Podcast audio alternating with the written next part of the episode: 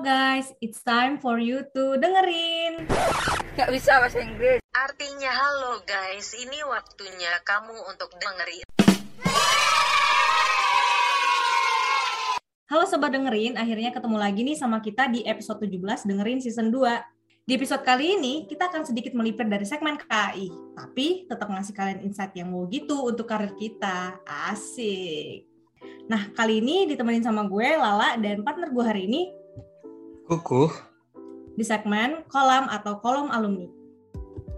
Cakep. Nala, episode kali ini bakal berbeda nih dari segmen KI sebelumnya, yang mana kita sempat bahas dunia permagangan. Kali ini kita lupain dulu nih soal magang-magangan, karena sekarang kita bakal bahas prospek kerja dari seorang industrial engineer di berbagai jenis company. Jadi nggak cuma sebatas manufacturing industri aja. Bener banget, apalagi sekarang ini perusahaan startup dan e-commerce lagi hits banget di kalangan fresh graduates. Kalau dilihat di sosmed, lagi rame banget nih yang sharing kesehariannya kerja di e-commerce.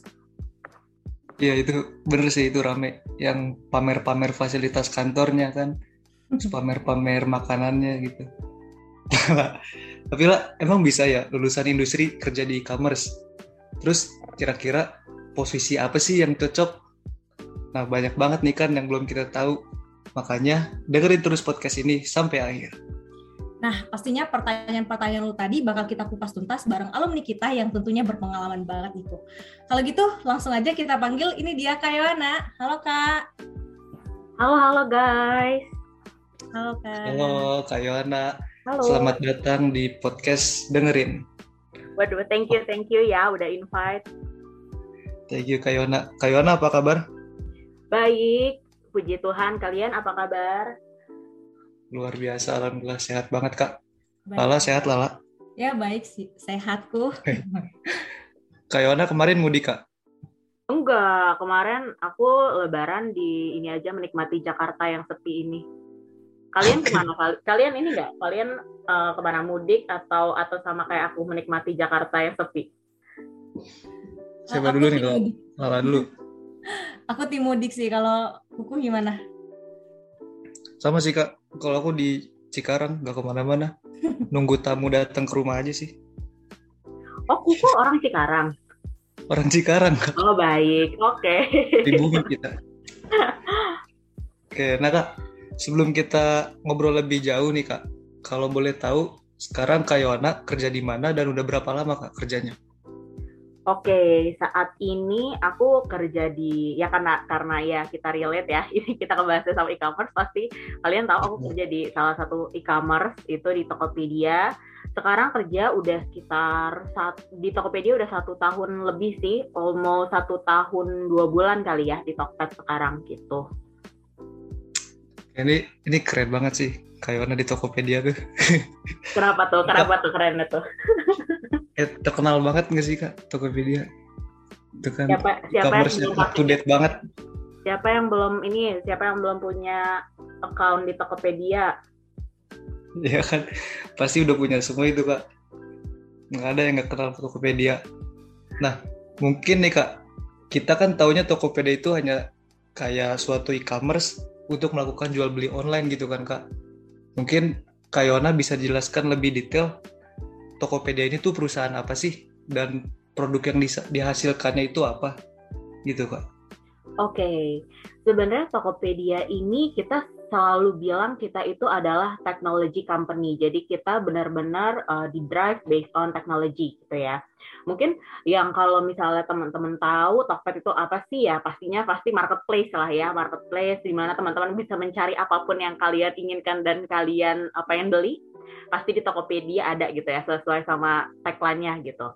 Nah, em, sebenarnya kalau ditanya apa sih Tokopedia bisnisnya apa aja sebenarnya bukan cuma hanya sekedar transaksi penjual dan pembeli aja sih gitu. Kita masih banyak me- memberikan servis-servis lain yang membantu penjual dan juga pembeli gitu.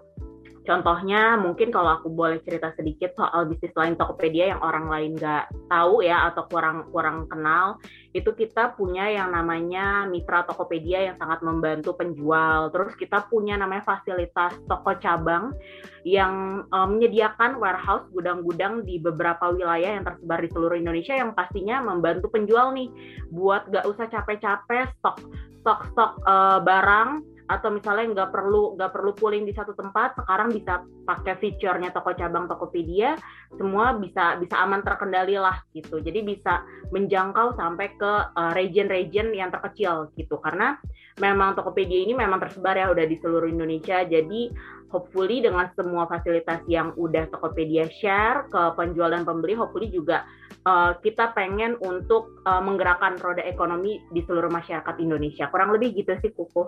Nah ini jadi pengetahuan baru banget sih buat kita yang yang bisa dibilang cuma konsumen yang pakai buat jual beli aja gitu kan. Nah kak, mungkin uh, sebelum di Tokopedia ini Kak pernah bekerja di tempat lainnya gitu kak? Oh pernah pastinya. Jadi aku kan um, lulusan teknik industri, aku lulus itu dari presiden itu tahun 2016 tahun 2016 terus nggak mm, nggak mm, nggak langsung kerja di Tokopedia pastinya di 2016 itu aku baru lulus dari sidang bulan Januari di Februari aku udah mulai kerja di bank di CIMB Niaga as manajemen trainee-nya gitu. Terus uh, Februari mulai kerja di CIMB Niaga, terus setelah berjalannya waktu, namanya juga masih anak baru ya, masih fresh grad, masih mencari pola kerja, masih mencari kesukaannya apa sih, passionnya tuh kayak apa sih, ternyata memutuskan kayaknya kurang cocok nih untuk jadi bankers gitu. Akhirnya um, resign lah itu di bulan, kalau nggak salah bulan September resign. Lalu di Oktober 2016 itu aku di Astra, di Astra Motor, itu Astra Motor itu salah satu anak perusahaannya Astra Internasional. Astra Motor itu main dealer sepeda motor Honda. Mungkin teman-teman pasti tahu lah ya sepeda motor brand Honda gitu. Dia main dealernya um, aku kerja di sana cukup lama, mungkin hampir lima tahun kali ya, sampai aku resign di tahun 2020 akhir Desember. Jadi dari Oktober 2016 sampai Desember 2020. Nah, di 2021 sampai sekarang baru aku pindah ke Tokopedia gitu. Um, yang menarik ya kak. Jadi uh, sebelum dari ke Tokopedia, sebelumnya kakak udah punya pengalaman di kerja di bank, kerja di uh, Astra Motor terakhir gitu. Nah di perusahaan sekarang ini posisi kakak sebagai apa sih? Mungkin bisa dijelasin dari uh, bidang bidang divisinya apa ataupun job desknya dan tanggung jawabnya seperti apa? Oke, okay, oke, okay, ini menarik sih. Um, aku sekarang uh, role-nya itu disebut as kategori uh, sebenarnya posisi aku namanya kategori insights lead. Jadi itu role-nya untuk ngelit uh, tim dari kategori insights sendiri gitu. Apa sih kategori insights? Kategori insights ini punya uh, function as dia memberikan recommendations, dia memberikan insights kepada teman-teman sales uh, and development dari beberapa kategori um, untuk mereka tahu nih, oh kira-kira strateginya harus pakai ini based on teman-teman dari kategori insights. Karena biasanya teman-teman kategori insights ini um, merumuskan suatu strategi atau arahan atau any insights itu based on historical performance. Biasanya kita dari historical performance kita analisa, kita analisa setelah hasil analisa, oh oke, okay, ternyata setelah dari hasil, hasil analisa kita, ternyata kita nemuin nih kunci misalnya kunci untuk meningkatkan penjualan misalnya kita harus pakai cara ABCD. Nah, itu tugasnya kategori insight yang untuk cari tahu, cari insight dari setiap uh, historical performance terus kita share ke teman-teman yang uh, bersangkutan gitu. Siapa aja sih kira-kira kayak related parties-nya yang harus kita share? Sebenarnya untuk saat ini aku uh, kerjasama sama uh, lumayan banyak kategori di Tokopedia, ada enam kategori besar, ada otomotif, ada sport hobbies, ada elektronik, ada handphone gadget, ada mom and baby, sama yang terakhir home living. Jadi dari enam kategori itu ada tim yang namanya istilahnya istilah gampangnya tuh tim salesnya lah gitu. Nah, si tim salesnya ini kan tujuannya pasti mengejar target ya teman-teman gitu, mengejar target sales segala macam. Nah, mereka butuh uh, arahan nih gitu. Kira-kira gue buat achieve target sales ini, gue harus pakai cara apa ya?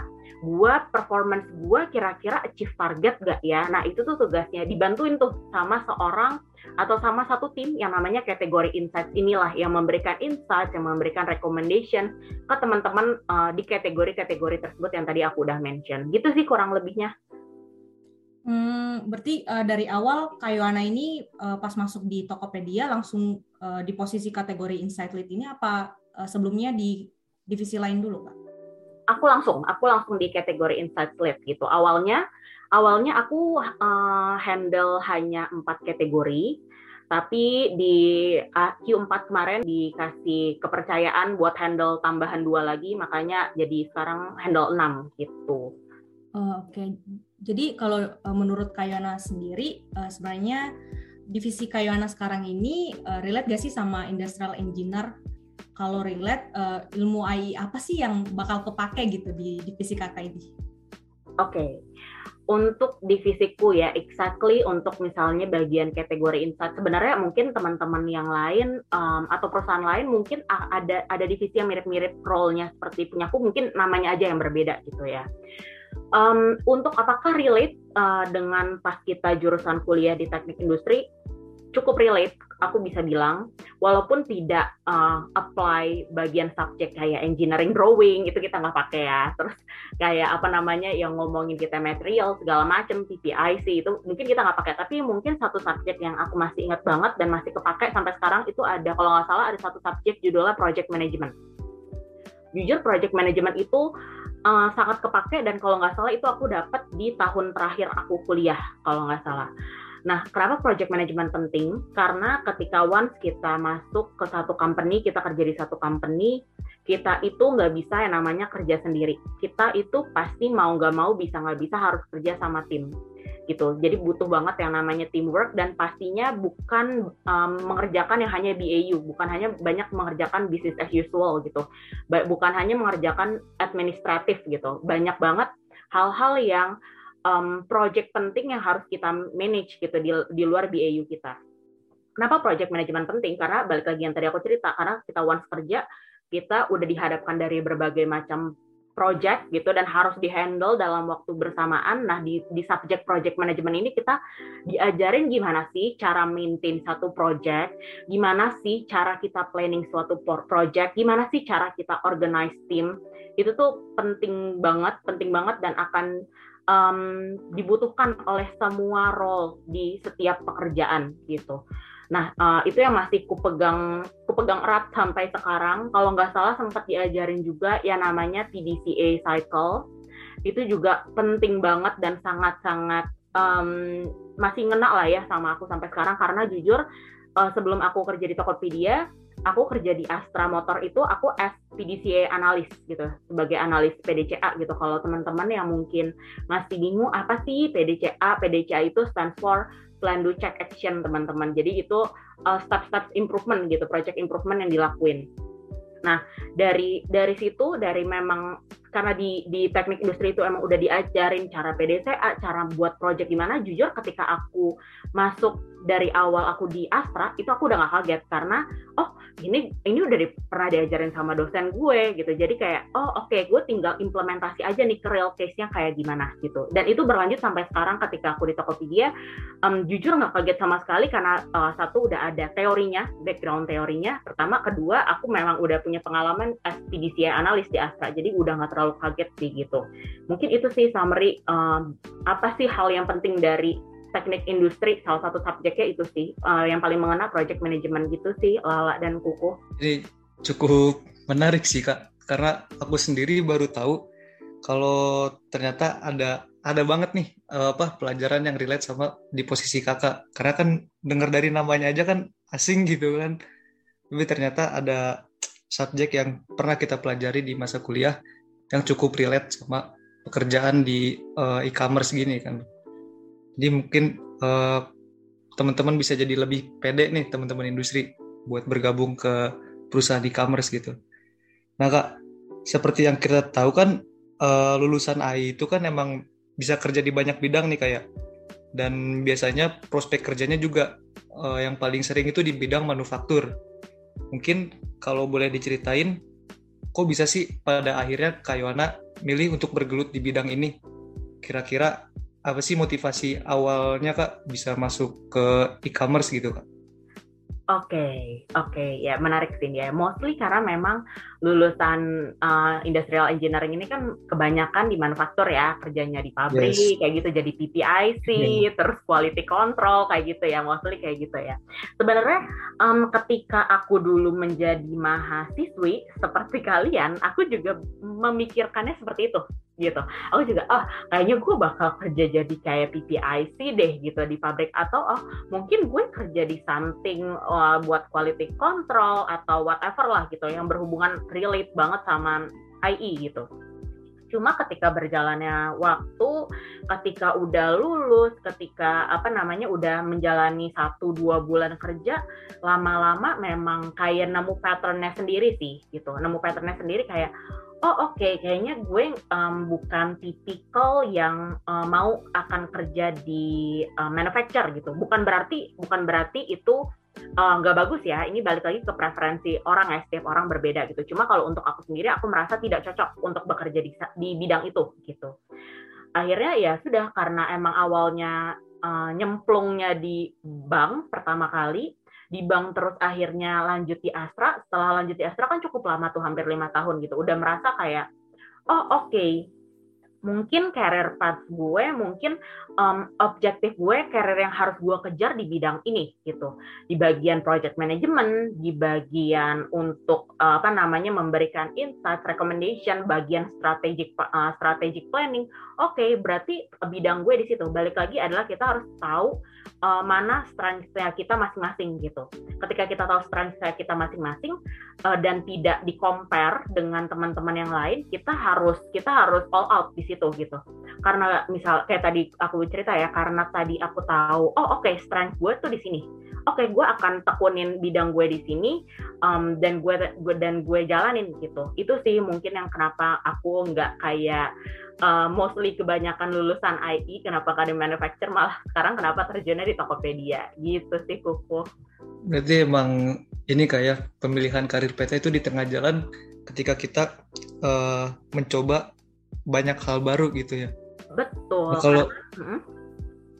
ya kalau kalau waktu kakak masih jadi mahasiswi itu emang udah cita-cita pengen di e-commerce gitu kak? Apa ada karir yang dipengenin lain? Oke, okay.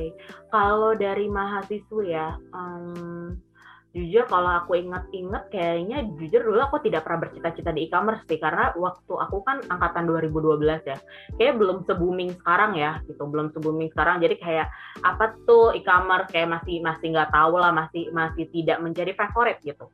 Mungkin kalau ditanyakan apa sih yang dulu jadi cita-cita? Mungkin kalau kalau aku ditanya mungkin dulu aku pengen banget kerja di konsultan kali ya. Pengen kerja jadi konsultan kayak di McKinsey terus kayak di BCG aku tuh pengen banget gitu dari dulu kerjanya uh, ya jadi konsultan gitu di situ gitu pada saat menjadi mahasiswi gitu. Tapi ya balik lagi tadi yang kayak aku cerita berjalannya waktu akhirnya pasti kita semua nemuin patternnya masing-masing nemuin kesukaannya apa nemuin strengthnya kita ini loh oh weaknessnya kita ini loh oke okay, kalau gitu kalau gue tahu weakness gue ini ini yang harus gue asah strength gue ini ya berarti ini yang gue harus kuatin dan gue harus tekunin kayak gitu sih balik lagi setiap orang fase untuk nemuin uh, kesukaannya apa itu berbeda-beda. Ada yang di awal, ada yang dari awal, ada yang tengah-tengah kayak aku, atau ada yang mungkin di akhir di akhir-akhir dan itu tidak menjadi masalah sih sebenarnya selama kita konsisten buat ngejalaninnya. Gitu sih kuku. Oke, berarti emang intinya tuh di awal kita harus legowo dulu gitu kayak biar jalanin bisa dulu melihat aja intinya jalanin dulu. Jalanin aja dulu bener. Biar bisa melihat pandangan lebih luas lagi gitu kan betul betul. Makanya kayak uh, sama kayak tagline-nya Tokopedia kan mulai aja dulu. Pokoknya apa pun dimulai aja dulu biar tahu. Bener bener. Nah kak mungkin banyak banget nih yang pengen tahu. Sebelum melamar di e-commerce itu hal apa aja sih yang diperlukan dari segi administrasi atau mungkin skill-skill yang harus kita miliki agar nantinya bisa mudah adaptasi di pekerjaannya gitu kak? Oke, okay. um, karena aku kan sebenarnya basically udah cukup lama di Astra ya, di hampir lima tahun aku di Astra. Kebetulan memang saat itu rezekiku adalah waktu itu di approach sama HR-nya, di approach lewat LinkedIn di approach sama HR-nya langsung, terus prosesnya lumayan cepat, terus akhirnya ya uh, long story short akhirnya keterima lah gitu di Tokopedia. Mungkin tapi kalau aku bisa bilang, hmm, apa sih tips and triknya kira-kira administratifnya harus gimana untuk masuk e-commerce gitu, apalagi untuk yang teman-teman yang lagi magang, udah bentar lagi selesai gitu, mau siap-siap kerja, mungkin ada beberapa tips sih yang mau aku kasih ke kalian gitu ya, apalagi anak-anak fresh grad gitu. Mungkin satu, um, start dari CV kalian, coba cek CV kalian. Jangan CV itu kayak berhalaman-halaman, please jangan guys, karena uh, kita as user uh, ataupun misalnya sebelum user itu ada tim HR, tim rekrutmen yang ngelihat itu malas banget melihat CV berhalaman-halaman gitu buat sebisa mungkin CV maksimum two pages terus abis itu um, pakai hanya poin-poin yang relate aja sama kerjaan itu di CV kalian. Nggak perlu kalian nulis achievement dari TK dari SD dari SMP itu nggak perlu banget gitu. Tulis hal-hal yang memorable kalian di kuliah tuh apa sih gitu oke okay, gue pernah jadi chairman uh, project ini gitu. Terus tugasnya apa memang? Terus uh, breakthrough kalian as chairman itu apa? Nah itu tolong cantumin di CV kalian buat project apa? Itu tolong cantumin di CV karena di situ kita ngelihat kayak oh ini anak bisa kerja kerja di tim apa enggak? Oh ini anak uh, biasa memegang tanggung jawab besar atau enggak? Biasanya kita ngelihat kayak gitu. Pertama dari CV ya. Itu please make sure uh, CV kalian oke okay, gitu. Karena jujur CV itu adalah um, hal pertama yang kita lihat yang mendeskripsikan kalian. Itu bagian administratif ya. Lalu ketika administratifnya lolos nih, udah mulai masuk fase interview. Um, ketika interview make sure kalian benar-benar paham company yang mau uh, dituju itu apa yang akan interview ini. Nah apa baca dulu company profilnya baca dulu produknya servisnya apa aja kurang lebih historinya gimana breakthrough dari setiap company itu apa gitu. Itu please make sure untuk tahu. Apalagi kalau misalnya di e-commerce e-commerce itu kan um, apps yang bisa kalian pakai ya. Make sure kalian pernah pernah untuk memakai service uh, tersebut gitu. Jadi kalian udah pernah punya pengalaman as buyer gitu. Jadi once ketika kita nggak pernah tahu, mungkin ada nanti interviewer yang akan nanya kayak, hmm, menurut kamu uh, apa kelebihan atau kelemahan dari apps kita? Kalian bisa jawab karena kalian udah pernah pakai itu. Lalu mungkin selanjutnya ketika interview ya um, biasakan latihan persiapkan um, pertanyaan yang mungkin akan ditanyakan dan jawabannya. Jadi ketika di interview itu nggak kebanyakan eh a e nggak kebanyakan kayak gitu. Jadi kalian lebih lebih bisa prepare lah ya gitu untuk setiap apa pun pertanyaan yang ditanyakan. Terus berusaha untuk pasti tahu pasti akan nervous karena apalagi kalau misalnya interview baru pertama ya pasti akan nervous.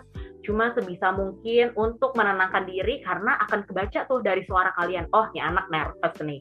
Itu kebaca banget gitu jadi berusaha setenang mungkin nggak perlu nervous eh, nggak uh, perlu takut akan dimarahin segala macam karena jujur interview itu adalah proses kita saling menang, saling mengenal gitu proses dari si interviewernya mengenal kalian, begitu juga kalian mengenal company tersebut melalui interviewer. Jadi kita proses saling mengenal, jadi uh, ngalir aja ceritanya, nggak perlu terlalu nggak perlu terlalu tegang atau terlalu formal yang sampai bikin kaku itu nggak perlu sih. Tuh.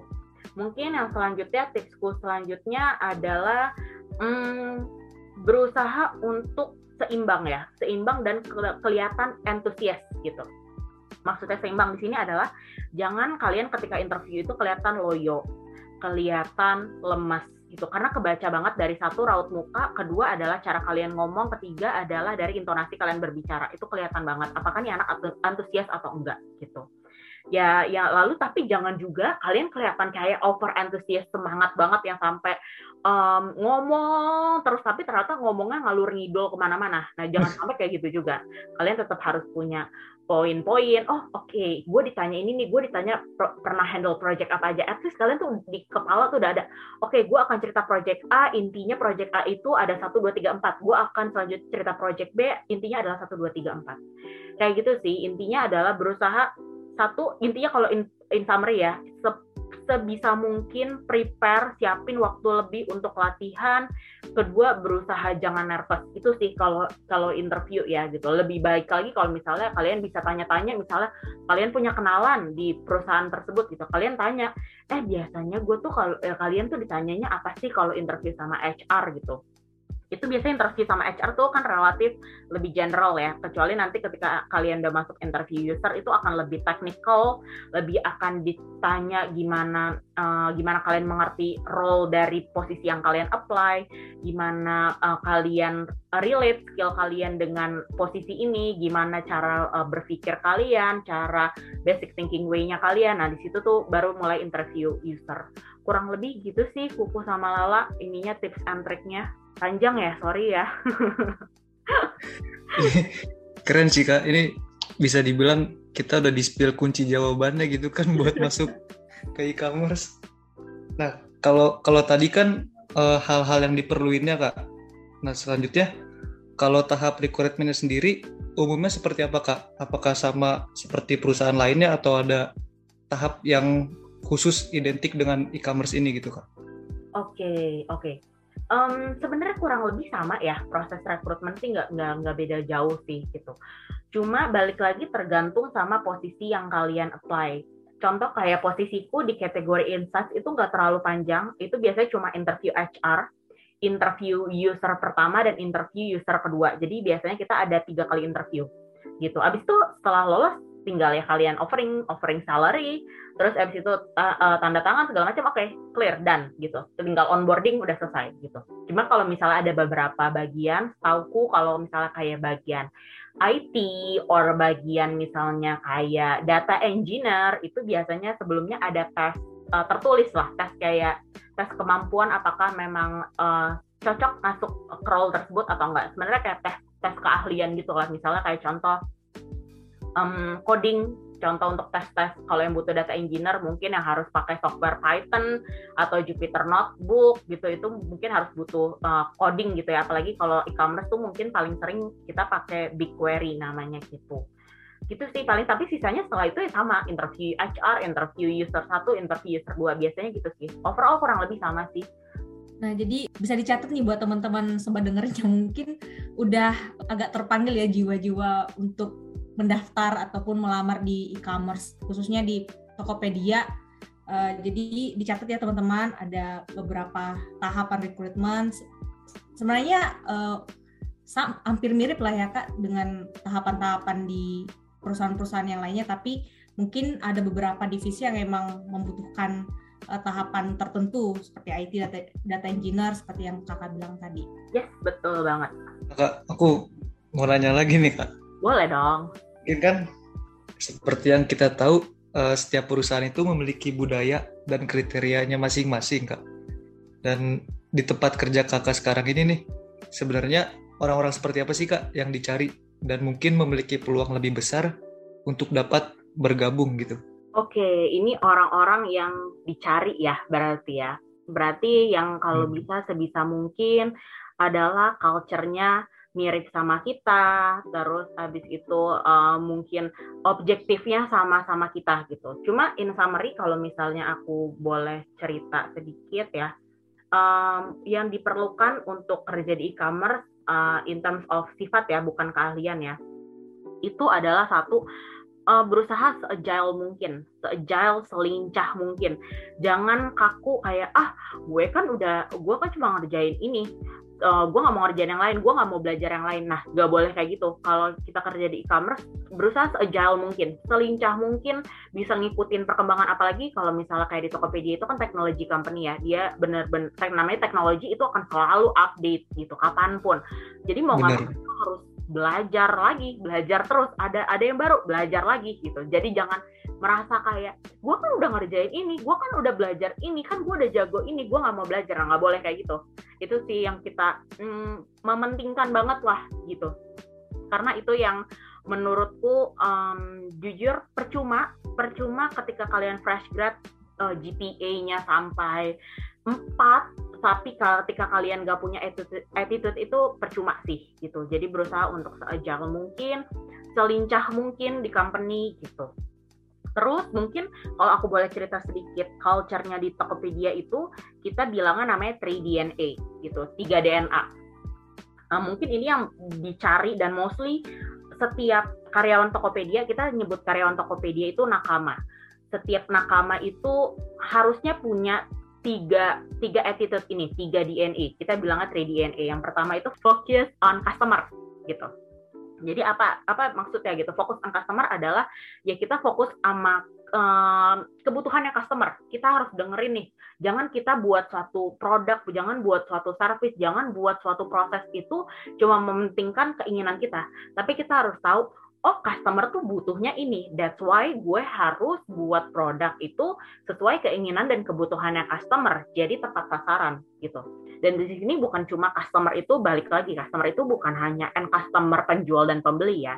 End customer itu siapa pun yang menjadi next proses kita gitu. Misalnya uh, bagianku kategori insight. Kategori insight nggak bisa langsung berhubungan sama uh, sellers dan buyer gitu. Cuma next proses kita adalah teman-teman uh, sales atau teman-teman kategori development atau teman-teman yang lain yang butuh kita nih, yang butuh insight dari kita. Nah kita berusaha sebisa mungkin untuk mendeliver insight dan recommendation itu ke teman-teman terkait yang dan kita harus sesuaikan dengan apa sih yang mereka butuhin, insight apa sih yang mau uh, yang mau mereka punya gitu dari kita.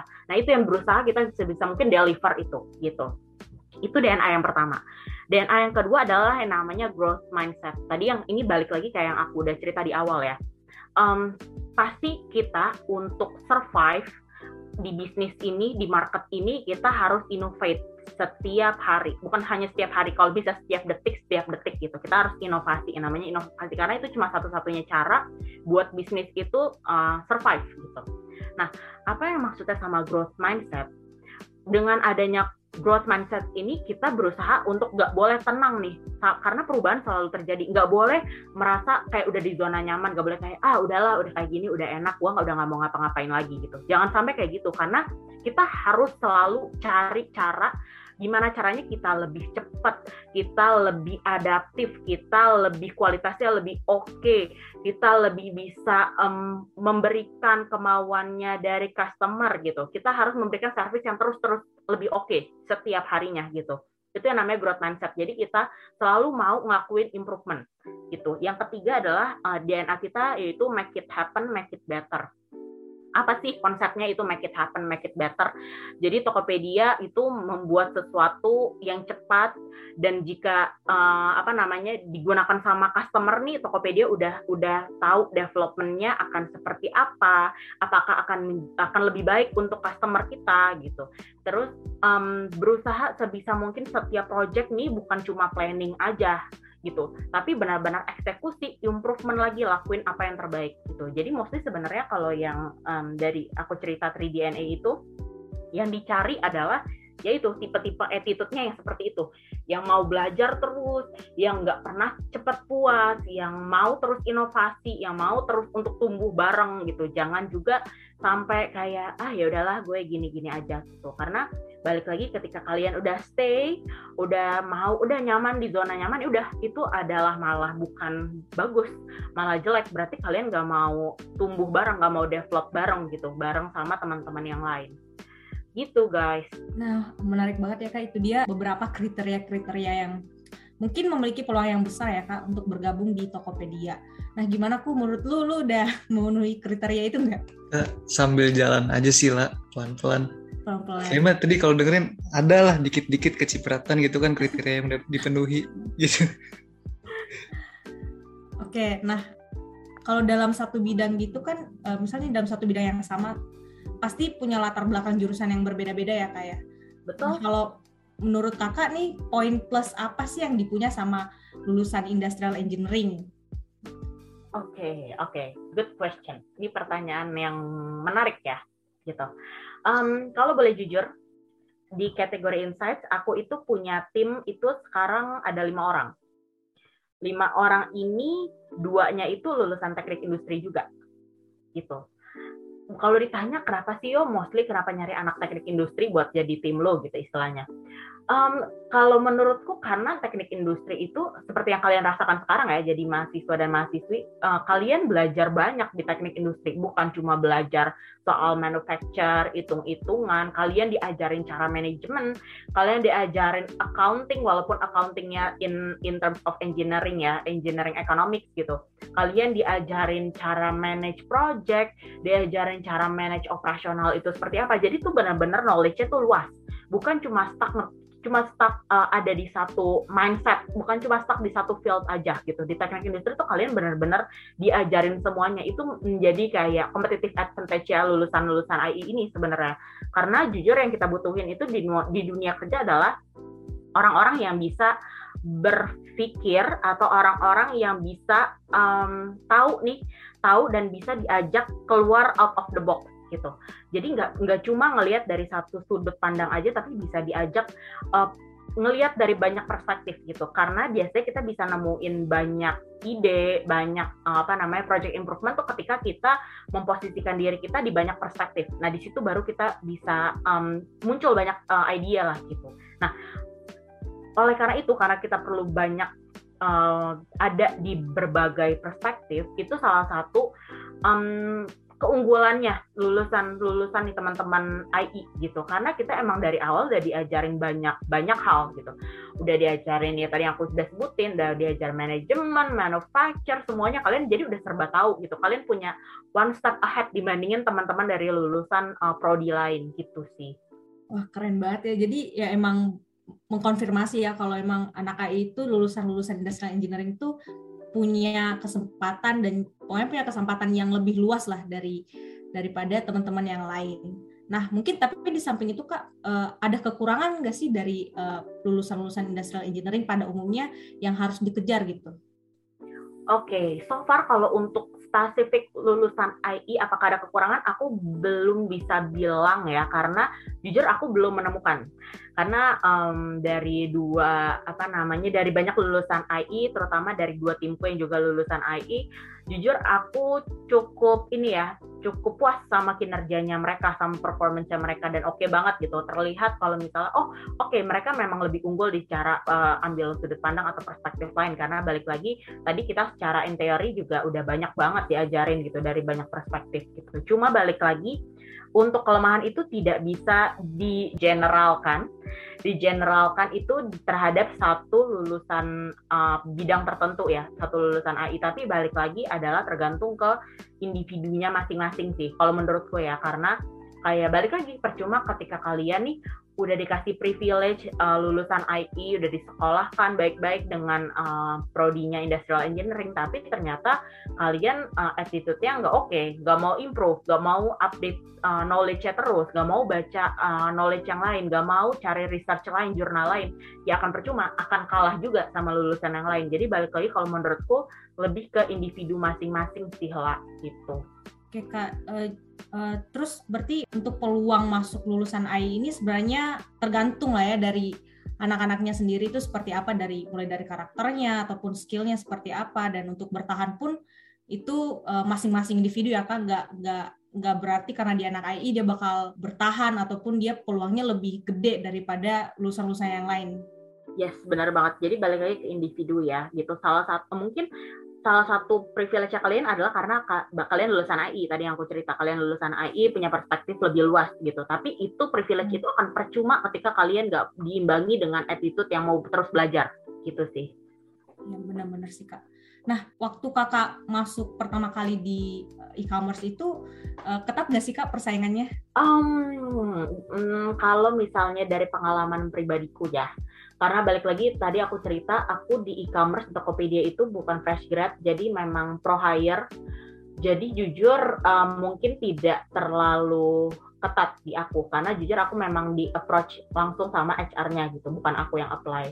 Cuma hmm, ketika aku memposisikan diriku misalnya aku menjadi fresh grad nih kayak teman-teman nih bentar lagi akan jadi fresh grad. Terus mau apply di Tokopedia misalnya gitu jujur aku akan bilang persaingannya sangat-sangat ketat gitu. Aku nggak bisa memposisikan diriku dengan keadaanku sekarang karena balik lagi yang tadi aku cerita ya aku pro hire. Tapi ketika kalian yang masuk aku harus harus bilang dan bisa bilang sangat sangat sangat sangat tepat gitu. Karena kenapa? Lulusannya lulusan kita tuh di Indonesia itu banyak banget. Tapi ingat lulusan di Indonesia itu bukan satu-satunya saingan kalian ya. Saingan kalian ada lulusan dari luar negeri saingan kalian adalah orang-orang yang mungkin udah punya pengalaman sebelumnya di e-commerce lain ataupun misalnya di luar bidang e-commerce. Jadi saingan kalian as fresh graduate itu bukan cuma kalian dan teman-teman seangkatan kalian, tapi orang banyak. Jadi kalau aku bisa bilang, apakah susah masuk e-commerce, persaingannya gimana, ketat atau enggak, aku bisa bilang susah dan ketat sih gitu. Tapi bukan berarti tidak bisa ya, bukan berarti tidak bisa ya. Tetap bisa as long as kalian mau berusaha sih gitu. Oke, ini jadi poin juga nih buat sobat-sobat dengerin. Karena udah spesial banget di podcast, udah dikasih tahu kunci jawabannya lah sama Kak Yohana kan gimana cara masuk ke e-commerce ya kan. Mulai dari tahap-tahapnya sampai uh, budaya kerja di sana gitu. Nah, Kak Yohana setelah menjadi salah satu bagian dari perusahaan tersebut, pasti udah banyak banget ya kan pengalaman-pengalaman suka duka lah yang udah kakak lalui, lalui gitu Kira-kira apa aja sih kak susah senang yang udah kakak rasain dari pekerjaan kakak? Mungkin bisa dibandingkan dengan pekerjaan-pekerjaan sebelumnya gitu kak? Oke oke. Okay. Hmm, aku bisa bilang setiap role itu punya punya keunikan masing-masing, punya kesenangannya sendiri, punya kesebelannya sendiri itu setiap role itu pasti punya gitu. Cuma kalau untuk saat ini mungkin aku akan cerita uh, ini dulu kali ya, yang happy happynya dulu. Gitu. Apa sih uh, sukanya ketika ini nih di Tokped nih ya sekarang gitu kan? Mungkin sukanya adalah ke, karena tujuan Tokped ini adalah berkontribusi untuk bangsa Indonesia sendiri jujur itu yang sangat menggerakkan uh, pribadi aku ya dan hati aku sendiri gitu. Karena aku ngerasa kayak aku part of big project yang bisa menggerakkan uh, ekonomi Indonesia gitu. Jadi aku berkontribusi uh, dari project pro yang sangat besar gitu untuk menggerakkan ekonomi Indonesia gitu. Aku part of something bigger gitu. Jadi aku ngerasa kayak oke okay, gue di acknowledge loh gitu. Di satu bisnis yang memang kalau kita bilang karyanya anak bangsa gitu, karyanya bangsa Indonesia sendiri, anak-anak orang Indonesia sendiri gitu. Memang ciptaan pro company dari Indonesia gitu. Sukanya ya adalah itu, ketika punya satu value, ketika punya ngerasa punya satu objektif yang sama dengan tempat kerja kalian itu rasanya secapek-capeknya kerjaan kalian ngerasa kayak akan um, ikhlas ngerasa kayak akan happy. Karena kalian ngerasa kayak gue udah kontribusi gitu. Gue ikut bagian di sini. Gue ikut bertanggung jawab. Gue ikut um, memberikan impact ke sosial gitu. Akan ada rasa kepuasan tersendiri rasanya nggak um, bisa dideskripsiin jujur. Tapi akan ada rasa bangganya itu ada banget. Rasa puasnya ada banget gitu jujur kalau dukanya mungkin sekarang um, gak ada yang terlalu gimana gimana sih ya. Balik lagi karena setiap orang itu bekerja pasti ada um, weightnya masing-masing lah. Ada ada susahnya masing-masing. Ditambah mungkin sekarang aku karena sambil S2 juga juga mungkin jadi struggle-nya sekarang mungkin lebih ke time management kali ya. Lebih ke balancing gitu antara kerja antara kuliah antara uh, urusan uh, pribadi gitu. Mungkin itu sih kalau dukanya sekarang yang lately itu sekarang lagi mencoba membalancekan waktu. Cuma kalau lebih banyak kalau di, boleh dicerita lebih banyak sukanya sekarang karena jauh ngerasa lebih bangga, proud uh, bisa menjadi bagian dari satu proyek organisasi besar. Gitu sih kurang lebih kuku dan lala. Oke, okay. uh, nah untuk semua sobat denger ini yang setelah dengar episode ini mungkin jadi tertarik nih mengikuti jejak Kak Yohana. Nah, ada nggak nih Kak, mungkin Kakak mau ngasih motivasi untuk uh, sobat dengerin untuk mulai mempersiapkan diri? Soalnya ada nih spill-spillan yang katanya susah masuk e-commerce, uh, seperti tadi Kak Yohana bilang kan, untuk sekarang mungkin agak susah tuh masuk e-commerce persaingannya ketat. Terus ada juga yang bilang uh, tekanannya banyak gitu. Nah, jadi kadang udah down duluan nih Kak. Gimana tuh Kak? Oke, okay. ini akan ya pasti akan dirasakan setiap ini ya teman-teman mahasiswi mahasiswa yang akan cari kerja gitu, yang akan mulai ketika kalian lulus lulus sidang nih itu happy-nya tuh cuma satu jam. Kalian lulus abis lulus tesis defense itu ketika kalian dinyatakan lulus nih itu kalian cuma happy-nya sejam. Abis itu kalian harus satu udah mikirin revisi uh, skripsi, terus abis itu udah kayak gitu kalian udah mikir tuh eh gue mau kerja di mana ya? Eh gue ngapain ya abis ini? Itu tuh akan kayak gitu gitu. Jadi uh, mungkin tips and triknya tadi aku udah banyak bahas ya. Cuma kalau menurutku mungkin uh, yang pertama itu planning sih.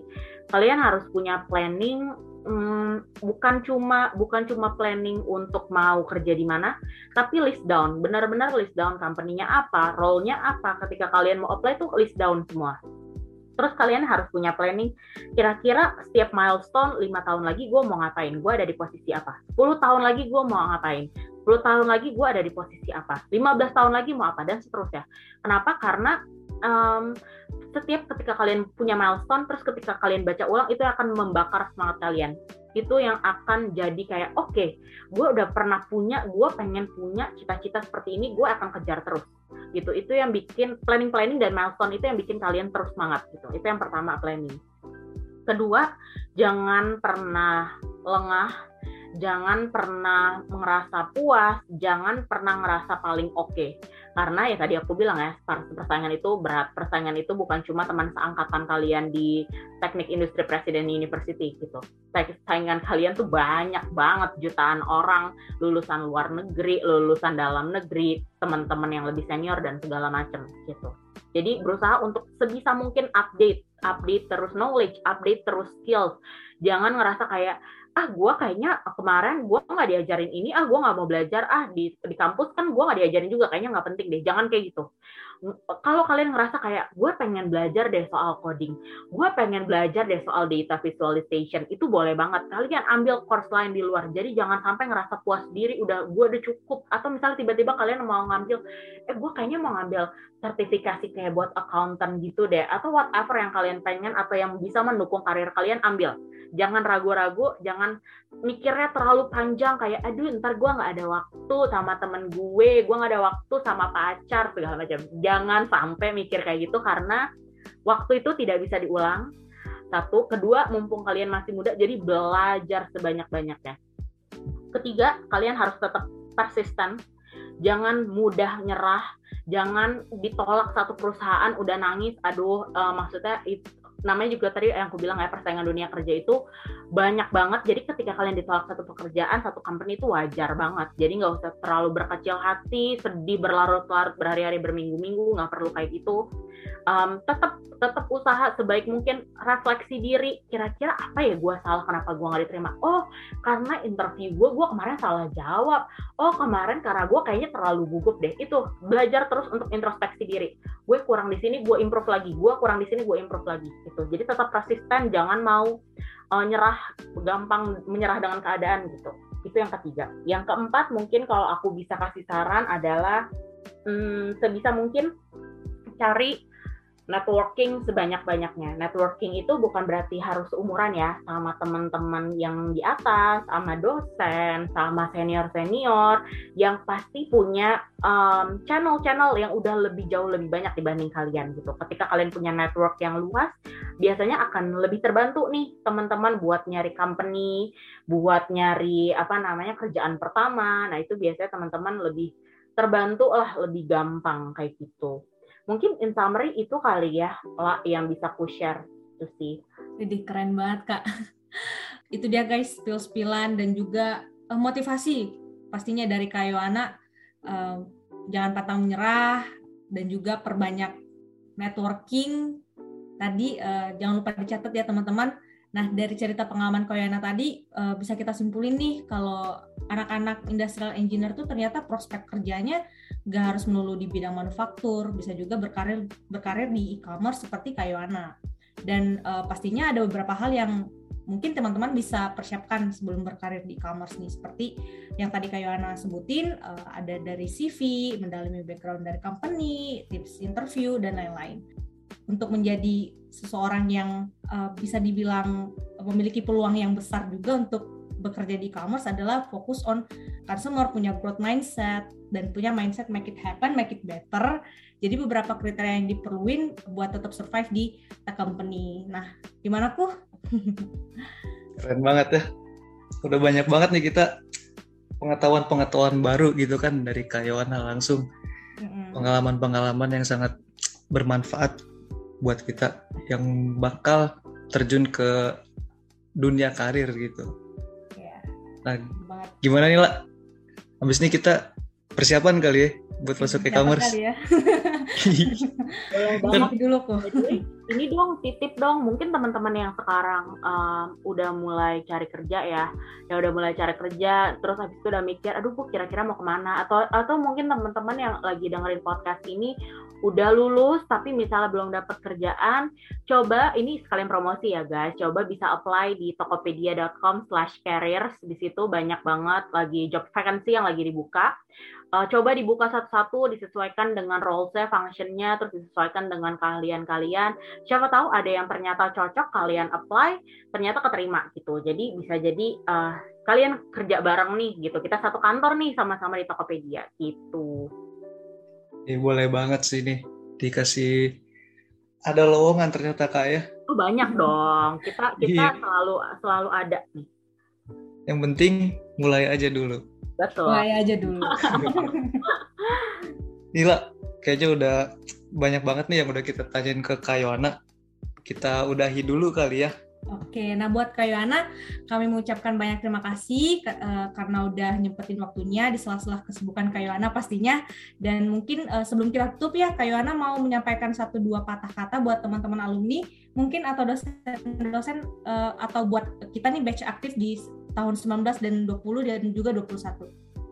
Oke, mungkin untuk uh, Bapak Ibu dosen ya, uh, mungkin sekarang karena banyak lecturer yang baru, uh, mungkin yang aku masih ingat yang paling ku ingat adalah pastinya Mem Andira, uh, terus Mem Anas, Mem Anas itu dosen pembimbing aku ketika skripsi. Uh, sampaikan salam ke Mem Andira sama Mem Anas. Lalu mungkin ke teman-teman uh, yang sekarang lagi aktif ya gitu, jangan Jangan lupa untuk terus menyeimbangkan waktu antara kalian belajar dan berorganisasi karena uh, di organisasi itu juga kalian uh, bisa belajar untuk cara kerjasama sama tim, untuk kerja bareng, untuk kerja project gitu. Jadi jangan lupa seimbangin waktu, tapi juga juga jangan berarti kalian um, organisasi GPA-nya ancur lebur di bawah tiga, jangan kayak gitu juga ya. Jadi at least GPA kalian di atas 325 deh kalau bisa gitu. Um, berusaha sebisa mungkin maintain uh, relation sama teman-teman atau mungkin teman-teman dosen sama teman-teman yang lebih senior alumni karena bisa jadi karir kalian dibukanya channelnya dari sana. Gitu sih ya uh, mungkin uh, last words dariku adalah good luck buat teman-teman semua. Semoga um, kerjaannya kalau misalnya udah kerja atau misalnya kuliahnya nih buat teman-teman buat Lala buat Kuku semoga kuliahnya lancar sampai lulus sidang sampai wisuda. Semoga kita semua selalu sehat selalu. Thank you guys yang udah dengerin ya. Amin amin. Makasih banyak sekali lagi kita ucapkan buat Kayona atas waktunya good luck juga dan sukses terus buat Kayona Semangat Kak buat menyelesaikan S2-nya. Oke, nah buat teman-teman dengerin yang mau tahu lebih banyak info-info menarik seperti magang, prospek kerja, dan informasi menarik lainnya, langsung aja follow IG kita di @denger.ien. Dengerin terus podcast kita juga di Spotify. And see you on the next episode of Dengerin. Derp, derp, derp, derp, derp.